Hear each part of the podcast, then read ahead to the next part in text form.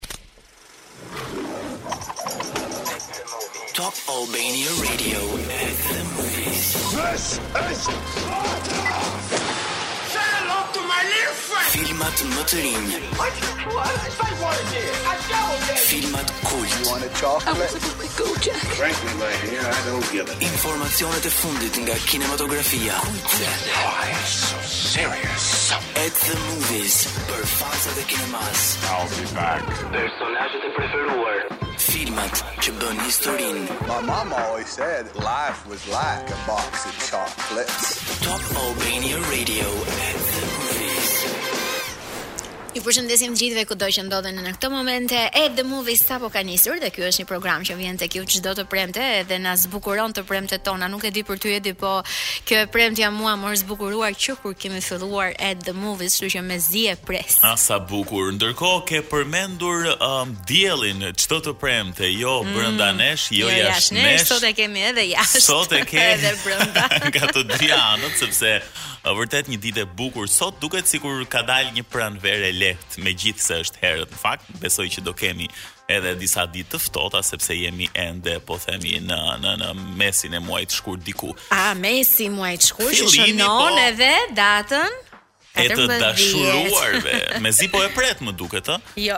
A mund të themi se si të gjen ky Shën Valentin?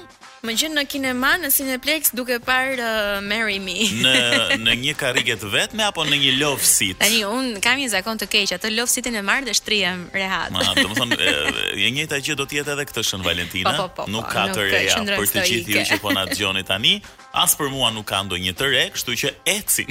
Ecim. Okay. do të ndalemi, do të ndalemi tek Shën Valentini sepse Unë dhe Arta, me sa duket nuk po e festokemi ashtu siç duhet, por ka shumë të rinjë që janë të dashuruar, po shijojnë romancën e tyre deri në fund edhe urojmë që t'u zgjasi sa më shumë, kështu që do të flasim pak për disa uh, filma shumë të bukur që mund t'i shikoni për 14 shkurt. Një ndër um, surprizat më të bukura që mund t'i bëni të dashurit apo të dashurës suaj, Për mendimin tim është që ta çoni në një ambient romantik, sigurisht, që, um, nuk e di, mund të jetë një shtëpi, një dhomë diku që ta zbukuroni me trëndafila etj etj. Të zgjidhni një film të bukur që asnjëherë nuk do ta çoni deri në fund, atë e dimë ne. Por që um, mund të jetë një zgjidhje e bukur. Kështu që një nga këto filma do t'jua sugjerojmë sot, do të kemi disa të tillë, madje në pjesën e dytë të programit do të kemi edhe një të ftuar, ku do të trajtojmë pak um, këtë miksin mes romancës dhe erosit, ëh, mos ta ngatërrojmë me gjëra të tjera. Erosi është një gjë tjetër nga filmat për të rritur. Filmat erotik janë një gjë krejt tjetër, po themi, që nëpërmjet tyre edhe mësojmë, um, edhe kuptojmë shumë gjëra, pse jo. Megjithatë kinematografia na ka falë edhe filma romancë të mm -hmm. pastër le të themi, nga ato të cilat duhet të mbash një shami me vete dhe qan pa fund nga emocionet. Do t'i përmendim disa sigurisht në bazë edhe të ranking që kanë bërë ndoshta kritika e huaj, por edhe në bazë të preferencave tona. Ndërkohë në Cineplex na ka sjellë dy premiera, njëra prej të cilave përshtatet me atmosferën e Shën Valentinit, kemi dy këngëtarë të cilët vijnë në një romancë le të themi mm -hmm. në këtë film të ri Marry Me, të cilin unë e pashë mbrëmjen e kaluar, oh, vij nga një festë në Cineplex, mm -hmm. ishte Ladies Night Natën e kaluar, ndërkohë kemi dhe një film tjetër të animuar. Ju flasim vetëm pas pak për filmat, ndërkohë që sot do të jemi duke qenë se unë gjatë gjithë kohës mbrëm në Cineplex isha duke parë filmin dhe duke përdor Shazamin që të ah, kërkoja këngë. Ishte i bukur, ishte i bukur Marry Me. Ishte shumë i bukur hey, ah, është, dhe kishte shumë këngë të bukura. J-Lo dhe Maluma kishin bërë këngë posaçërisht për filmin. Dhe Maluma që janë dhe aktorët kryesor. I zbuluam. Dhe ndërkohë që shikoja filmin mbrëm, po mendoja po sikur e gjitha kjo të kthehej në një realitet. Imagjinoni pak dy këngëtar shumë të famshëm, uh, dhe pikërisht në rastin konkret edhe J Lo dhe Maluma janë të dy shumë të famshëm, dy këngëtar të cilët premtojnë që uh, të martohen përpara publikut prej 20 milion ndjekësish, ndërkohë që bëhet nami në rrjete sociale nëpër lajme përflitet pafund martesa e tyre, por çfarë ndodh? Pak sekonda le të themi përpara se të dy artistët të ngjiten në skenë për të debutuar performancën e tyre dhe performanca në fjalë është pikërisht kënga Marry Me, ashtu sikurse edhe në film supozohej që dy këngëtarët kishin bashkëpunuar për ta sjellë edhe për të për të propozuar njëri tjetrin le të themi. Kat Valdez dhe Bastian janë dy këngëtarët, por Pak përpara ngjitjes në skenë dhe përpara martesës së shumë pritur, ah, Kat uh, zbulon martesa pra do të ndodhte në skenë. Në skenë, sken, eksakt. Okay. Teksa ata do performonin edhe këngën Marry Me, mm -hmm. ishte mhm. një këngë që ja kishin dedikuar njëri tjetrit. Kat zbulon tradhtinë e Sebastian apo Bastian. Bastian e tradhton me Erdhi dikush dhe i tha apo si ndodhi? Po, skandali u bë mediatik mm -hmm. në sekondat që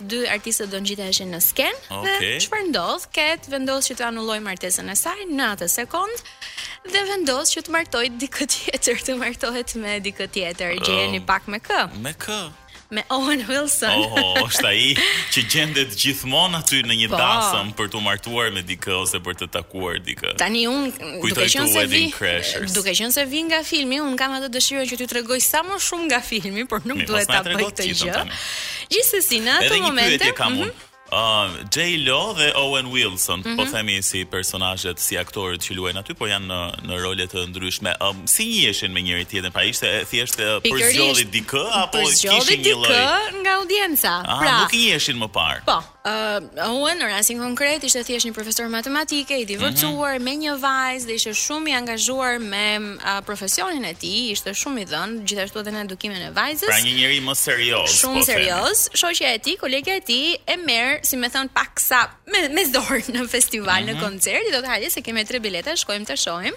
E ndërkohë, në atë moment, shoqja i lë pankartën shokut Marry Me. Okay. Dhe teksa J-Lo ose Kat Valdez merr vendimin për të mos u martuar me Bastian apo me Malumën, ajo i drejtohet një nga uh, personat në audiencë, që në rastin konkret është Ishte Owen. Okay. Dhe i thot po, do të të martoj se nganjëherë thot na është mbushur koka thot që dashuria është një gjë magjike, është kaq e madhe, por në fakt jo. edhe gjërat nganjëherë duhet marrim vendime edhe spontane, se ndoshta ato na çojnë në destinacione shumë të mira. më tej nuk po ju them se më duket jua thashë të gjithë. Shumë i bukur, shumë i bukur vërtet, na kuriozove se bëre edhe një shpjegim shumë interesant, ja ç'do të thotë ta shohësh filmin një ditë përpara se të flasim këtu. Ëm um, dhe ëm um, kishte ndonjë skenë kështu apo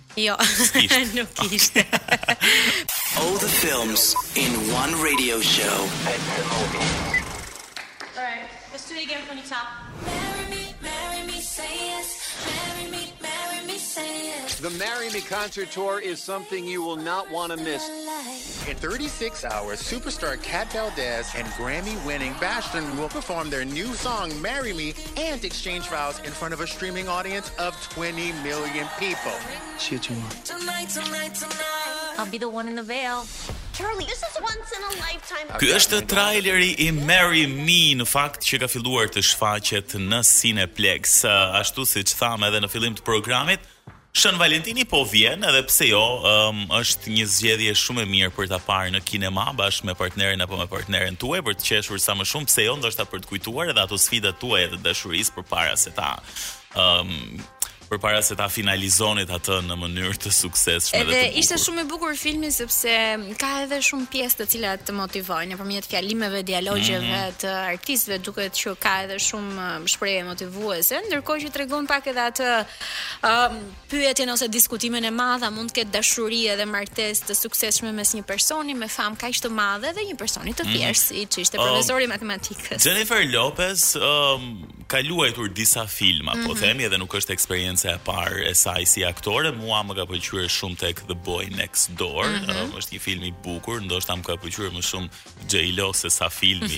Aty po si t'u duk Maluma si aktor, se atë nuk e kemi parë, uh, asnjëherë kam përshtypjen që duhet të jetë eksperienca e tij e parë. Uh, mund të them që filmi ishte i fokusuar më shumë në aktrimin e J-Lo se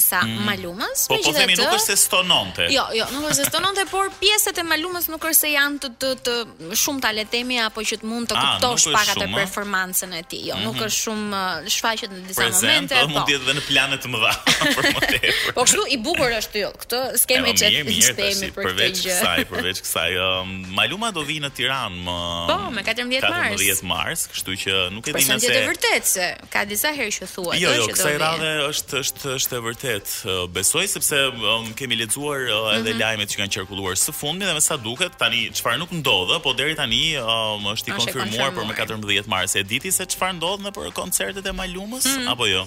Mm -hmm.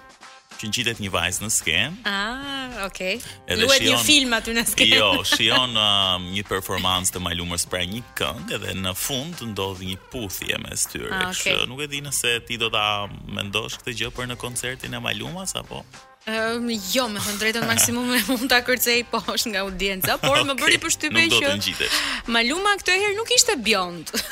ishte me flokë të zezë, po, nuk ishte si DJ Dax, të cilin okay. filluam ta quajmë Maluma për shkak po, të ngjashmërisë së tij. Ndërkohë, edhe diçka tjetër që doja të veçoja tek filmi, sepse teksa po e shikoja mbrëm, po mendoja dhe diçka tjetër, Përse nuk ishte zgjedhur që profesori i matematikës të luhej nga Ben Affleck për shembull?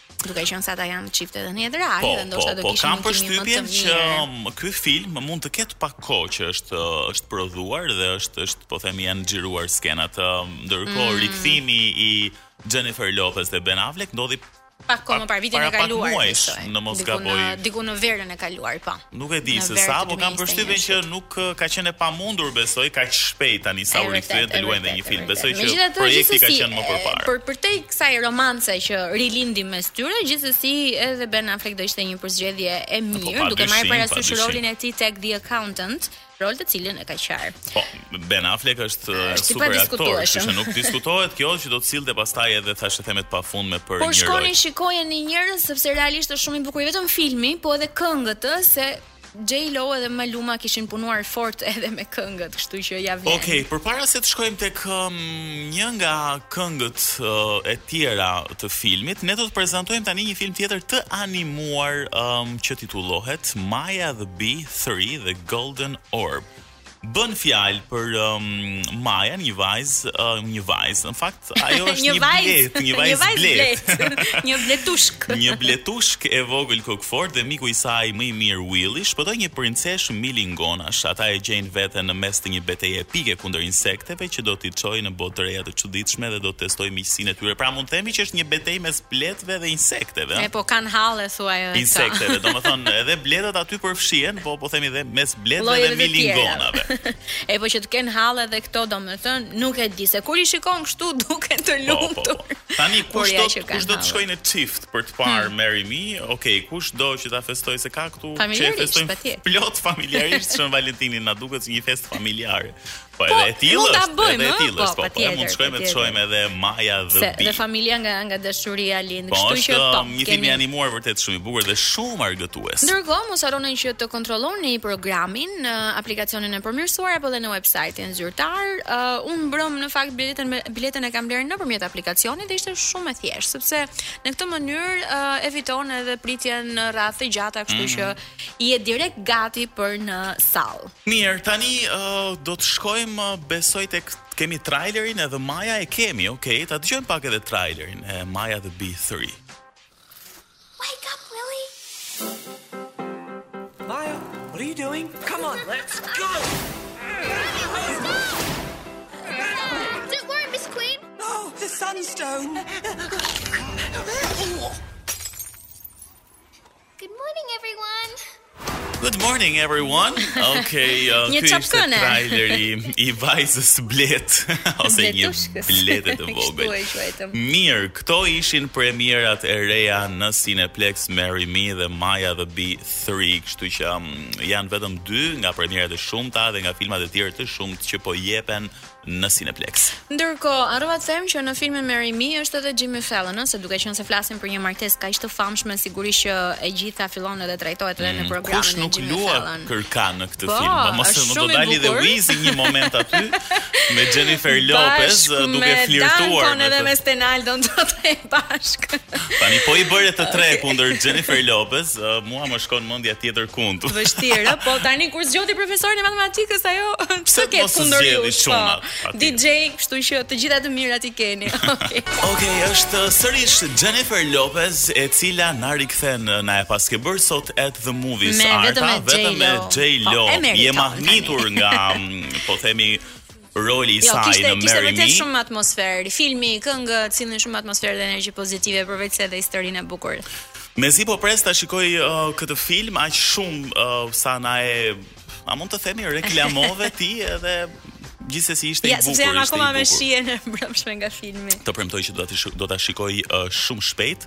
Nuk e dimë se sa shpejt do ta shikojë e ftuara jonë për ditën e sotme që ka mbërritur tashmë në studio. E përshëndesim. Jemi jemi e kemi parë pafund fakt ah. mua um, videot po themi me këshillat e saj mbi edukimin seksual në TikTok dhe në Instagram më dalin pafund, pafund, pafund. Është Zhaklin Lekatari që ka mbërritur në studio, mirë se erdhe Zhaku. Kënaqësi që të kemi në studio. Kënaqësia ime. Vërtet që je bërë Po e nisim nga një gjë krejt tjetër tani, po e kam vënë re, po themi tani si si një si një qytetar i thjeshtë. Sa herë hap TikTokun dhe Instagramin, janë të pafundme videot e Zhakut që u përgjigjet pyetjeve të ndryshme. Uh, po fakti që na dalin gjithmonë në scroll do të thotë që ato video janë, shumë të klikuara, të kërkuara. Edhe nuk e di kam përshtypjen që tani e kanë zbuluar um, këtë këtë po themi të kanë zbuluar dhe ty mbase dhe bëjnë kaq shumë pyetje për gjëra që ndonjëherë na shkaktojnë të qeshura pa fund edhe nga mënyra se si Zhaku përgjigjet. Kështu që, nuk e di ç'është ky interes kaq i madh këto këto kohë të fundit. Nuk e di, herë pas here un bëj ndonjë video dhe ajo bëhet virale dhe kam këto shpërthime të vogla. po ja se nuk nuk ke nga shpëton. Ndërkohë mendoj që nga pandemia e tutje un zbulova TikTok-un mm -hmm. dhe TikTok-u ishte komplet një platformë tjetër, një dimension i ri dhe besoj që TikTok-u më solli pranë një audience më të vogël në moshë. Edhe kështu që ajo më bën më shumë virale, nuk është që mhm. përpara nuk isha e kërkuar, por audienca më e vogël më është afruar vitet e fundit, se më është dashur goxha kohë që të vërtetoj gjërat që them, personazhin që jam edhe Më është dashur vite konsistence në punë që t'u tregoj njerëzve që ajo që bëj nuk është tutorial për filma për adult, po. por është edukim. Po, edukim. Dhe kam përshtypjen që sa më shumë kanë dëgjuar përgjigjet e tua, aq më shumë janë bindur dhe kanë fituar një lloj sigurie që ata të të pyesin më pas për një problematikë të tyre. Po, po sepse detyra ime nuk është që të zëvendësoj profesionistin. Detyra detyra ime është që t'i zhvesh ata nga turpi, nga frika, mhm. nga etiketimi, nga stereotipet. dhe të krijoj këto ura komunikimi dhe këtë vullnetin dhe nevojën për të praktikuar higjienën, shëndetin seksual, për të ditur më shumë për veten, për të raportuar më mirë në shoqëri. Pra ajo çka bëj unë, unë zhbëj këtë turpin në mënyrë që të gjithë këta individ të fillojnë një rrugëtim të tyre personal. Në fillim mund t'i shoqëroj unë, po pastaj mund ta vazhdojnë vetë po, ose me profesionistin e duhur. Pa diskutim. Pra, të krijoj një lloj revolucioni seksual mm. edhe një lloj lirie seksuale, sidomos për vajzën dhe për gruan shqiptare. Në kuadër të këtij misioni që ti ke, po. Zhak, um, mendon që në listën e gjithë këtyre gjërave mund të fusim edhe filmat, se fundja mësojmë edhe prej tyre. Sigurisht, sigurisht muzika, poezia, librat, filmat, Pra çdo gjë që ka të bëjë me artin ose një gjini e artit, ë është e, e para është më e lehtë që të kuptohet nga të mhm. gjithë, na unifikon, na bashkon, na edukon në mënyra më alternative, më të lehta, na bën që të mendojmë më mirë, të mendojmë më bukur, të shprehemi më bukur, prandaj po. Filmat janë shumë të rëndësishëm dhe ne do duhet që të kishim shumë më shumë kinema, shumë më shumë shfaqje filmash, shumë më shumë organizime, filma me metrazh të shkurtër, filma me metrazh të gjatë, bashkëpunime me artistë të mhm. ndryshëm, mm -hmm. nga kultura të ndryshme, do na bënte shumë shumë mirë. Sa më shumë ne të hapim diapazonin tonë, aq më, më mirë për gjithë tolerant do po, jemi dhe aq më shumë do i kuptojmë të tjerët dhe veten. Dhe në fakt ne këtu që merremi çdo të premte me filma, uh, kemi një lajm të mirë sepse janë shtuar prodhimet uh, shqiptare. Uh, kemi folur shumë shpesh për uh, premiera të reja shqiptare, filma shumë të mirë që ndonjëherë po themi um, kanë thyer edhe tabu. Për shembull tek Bolero në vilën e pleqve ishte mm -hmm. uh, um, një çift vajzash um, po themi lesbike që u përballen me një paragjykim të madh nga shoqëria, pra edhe um, ai aspekt që u mhm. trajtua në atë film shërbeu për po, të goditur edhe këtë parë. Filmi me metrazh të shkurtër Girls nga Altina mm. Gjipali, që janë tre mhm. vajza po.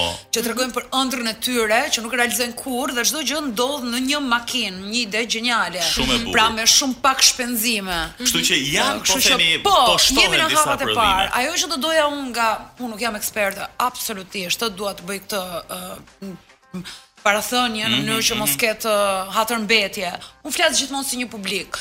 Ajo çka do doja unë është që tematikat të ndryshonin. Më duket sikur ne jemi gjithmonë te ajo tematika e viteve 90, po, po, tematika e komunizmit, po, krimi, ose këto tematikat e dhunës. Po, po, po. Ndërsa problematikat sociale ose ne nuk dimë t'i trajtojmë ose kemi frikë t'i trajtojmë ose ne kemi frikë nga e vërteta dhe në në në dhe Ty të duhet e vërteta për të nxjerrë në pah në një gjini të artit, një problematik. Domethënë, ai raporti me të vërtetën duhet të jetë shumë i rëndësishëm, mendoj, edhe në film, në mënyrë që uh, të ketë sukses ajo çka ti po ndërton dhe të arrijë te publiku.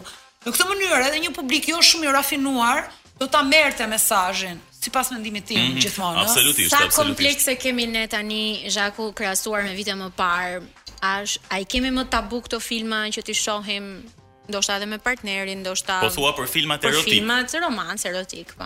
Filmat romans është diçka tjetër, filmat erotik është diçka tjetër. Ë uh, unë mendoj që ë uh, prap duke u nisur nga ai raporti me të vërtetën edhe në romanc, edhe në marrëdhënie, ne nuk e duam fare të vërtetën dhe uh, marrëdhënien e përjetojmë në mënyrë shumë toksike, shumë po ka edhe shumë edhe shumë personale, secili është në atë botën e vet. Ë, uh, unë po flas në përgjithësi se si e kam lexuar unë mhm. shoqërinë mm -hmm. shqiptare dhe si e mm -hmm. lexoj unë shoqërinë shqiptare. Uh, për shembull, këtu nëse është një film që bëhet trend, të gjithë shkojnë e shohin atë film, të gjitha shkojnë e pëlqejnë atë film. Po siç ndodhi për shembull Fifty Shades of Grey, po, po themi po. Bravo, bravo.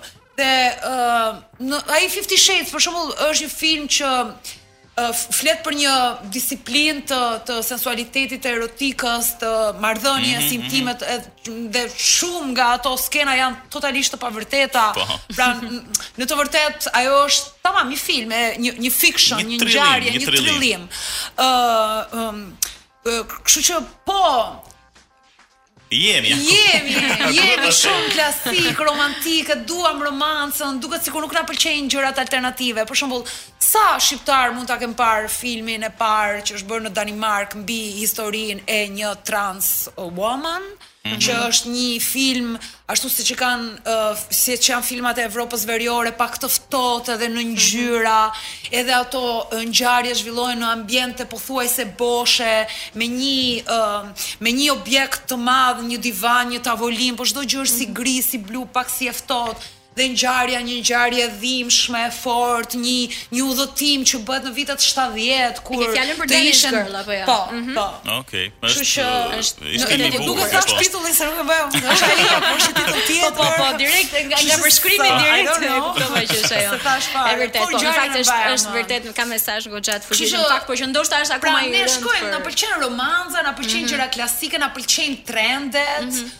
Ndoshta këto gjeneratat e reja kanë dëshirë të shohin pak gjëra më alternative, ose për shembull kinematografia koreane që dashurinë e trajton komplet ndryshe, ose kinematografia aziatike që dashurinë e trajton komplet ndryshe, ose ajo evropiane që bazohet gjithmonë te këto problematikat që ne kemi në shoqëri, problematikat në çift, problematikat në çift edhe jo hetero, në çifte gay. Kështu që po, është e rëndësishme Por ne shqiptarët edhe këtu besoj te shija jemi pak konservator po themi. Ose tradicional. Tradicional. Mm -hmm. Ndërsa po te filmat erotik, te filmat erotik nuk nuk i shoh shumë në trend filmat erotik ose janë ata të, të dashuruar mbas kinematografisë që kanë shumë informacione dhe sigurisht ndjekin dhe ato filmat erotik. Po ka edhe një gjë, Zhaku, me sa kam vënë re të paktën, ku di unë nga nga rrethi jonë shoqëror etj etj, Prapë është pak e vështirë, për shembull, që një çift të dashuruarish të ulen dhe të shikojnë një film erotik së bashku, më duket ende sikur e kanë pak problem, nuk ndihen mirë. Unë e këshilloj gjithmonë. Se jemi edhe në prag Shën Valentini. Si jemi në prag shumë valentini. Unë e pra, këshilloj gjithmonë. A, a, a mund të jetë kjo një zgjedhje, po themi po, për ta parë? Po, është një zgjedhje shumë e mirë edhe kur ne kemi probleme në libido. Pikërisht. Pra, kur ne kemi mospërputhje edhe të kohës, për të kryer marrëdhënie dhe për të mhm. pasur ato momente të intimitetit. Duket sikur ne kur bëjmë kur kemi marrëdhënie intime çdo gjë duhet të jetë aty në çast, në pasion, po, po. të rrjedhi, të bëj, po jeta sot është shumë aktive dhe ti nuk ke mundësi ta përjetosh momentin mbas një darke pasionante të ketë edhe një po, marrëdhënie intime pasionante. Po, e duhur po, e tjerë. Prandaj është okay që ti të lësh një ditë me partnerin tënd dhe të thuash e di çke, sot do jetë një mbrëmje intime midis nesh.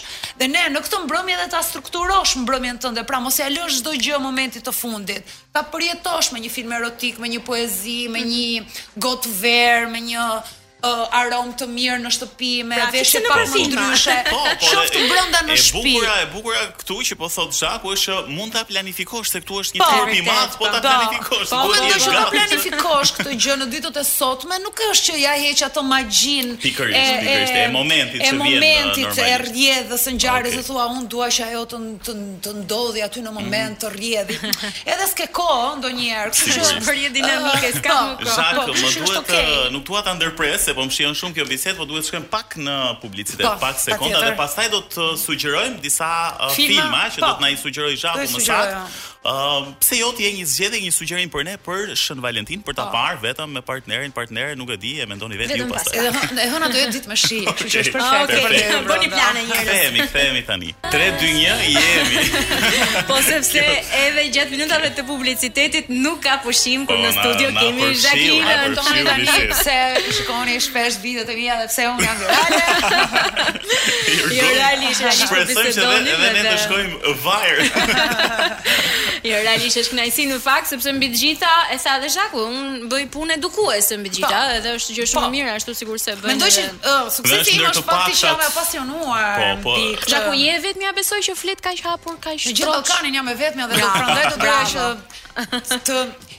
Jo që të kisha më shumë vlerësim, por të kisha më shumë respekt mm -hmm. për mhm. kontributin që unë jap edhe mos më vidhej edhe mm -hmm. ajo që kam arritur. Kështu që e para në histori kjo. Patjetër, patjetër. Si janë tabutë. Tani, ne um, kemi rastisur që në The Movies Arta um, kemi qenë dhe Shën Valentinin e kaluar dhe pa. Po. u sugjeruam filma romance etj etj, po mm. këtë herë menduam pak më ndryshe se filmat romance tani Kam përshtypjen që shumë prej nesh kanë parë, janë uh, disa uh, prej klasikeve të njohur etj. Disa tjere. fillojnë edhe risillen ndoshta në mënyra po, të tjera. Po diskutonim edhe me Zhakun që ndonjëherë uh, edhe kjo romanca e zakonshme sikur është konsumuar goxha edhe nuk na bën më përshtypje. Kështu që pse jo, do të hidhemi pak tek filmat erotik, Ëh, dhe disa sugjerime që uh, Zhaku ka përgatitur për ne dhe dëgjuesit, uh, që mund t'i shikoni absolutisht tani nuk është e thënë që t'i shikoni me patjetër ditën e Shën Valentinit, ëh, po janë filma interesant për t'u parë. Dhe një herë ta sqarojmë që filmat erotik nuk kanë të bëjnë me filmat për të rritur.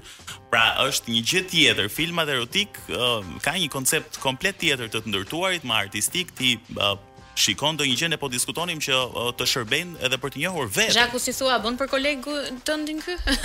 Mirë është. Po, po. Deri diku duhet të lexoj të shpjegoj. Jo, mos e jo, po shkoj në listën këtu të filmave, që në fakt janë të uh, sigurisht që un jam kam hyrë në internet se un nuk jam në apo gjë. Po disa, disa prej tyre i ke parë edhe vetë apo jo? Atë po thoja që disa prej tyre janë filmat erotik më të mirë të të gjitha kohërave, po disa prej tyre janë filma që të gjithë i njohim dhe janë filma dhe jam e sigurt që edhe ju i keni parë mm -hmm. dhe do filloj me Last Tango in Paris, po. tango e fundit në Paris, që është e vitit 1972 dhe mendoj që është gjithmonë mirë të shohim me Maria Schneider, të shohim uh, edhe mënyrën se si erotika, sensualiteti, intimiteti, marrëdhënia, tradhtia dhe çdo gjë që ka të bëjë me dashurinë, ë është trajtuar dhe në vitet e kaluara dhe në vitet kur 20 vjeçarët e sotëm apo ë të rinjtë e sotëm nuk nuk e kanë idenë fare se ça ndodhte, që qoftë edhe për të parë skenografinë, veshjet, mënyrën e komunikimit, mënyrën e joshjes së një gruaje,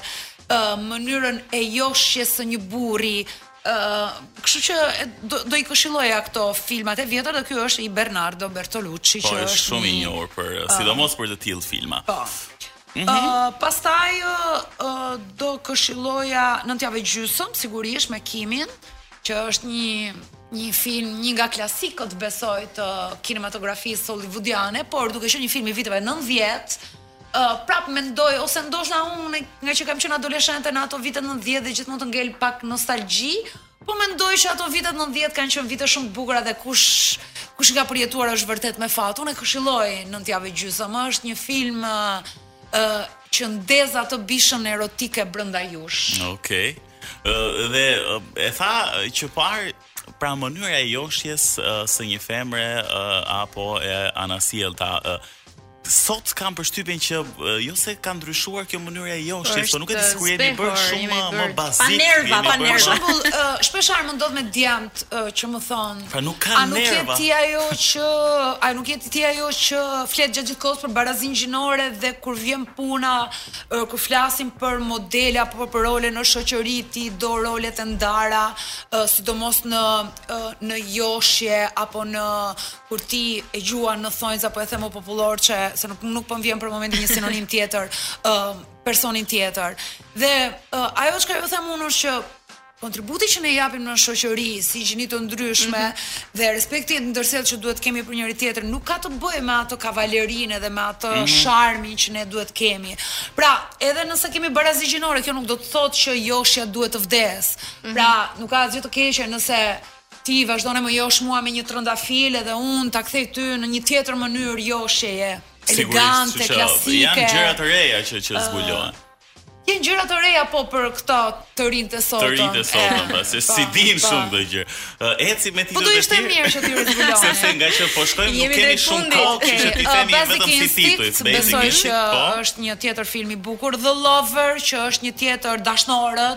që është një tjetër film uh, francez, po, mm -hmm. i vitit 1992, The Piano, pra mm -hmm. uh, Crash i vitit 1996, Sex dhe Lucia që është spanjoll, të gjithë filmat titujt janë të gjithë uh, pothuajse të gjithë uh, evropian, titra evropian, sekretarja e vitit 2002, uh, uh, Unfaithful, pra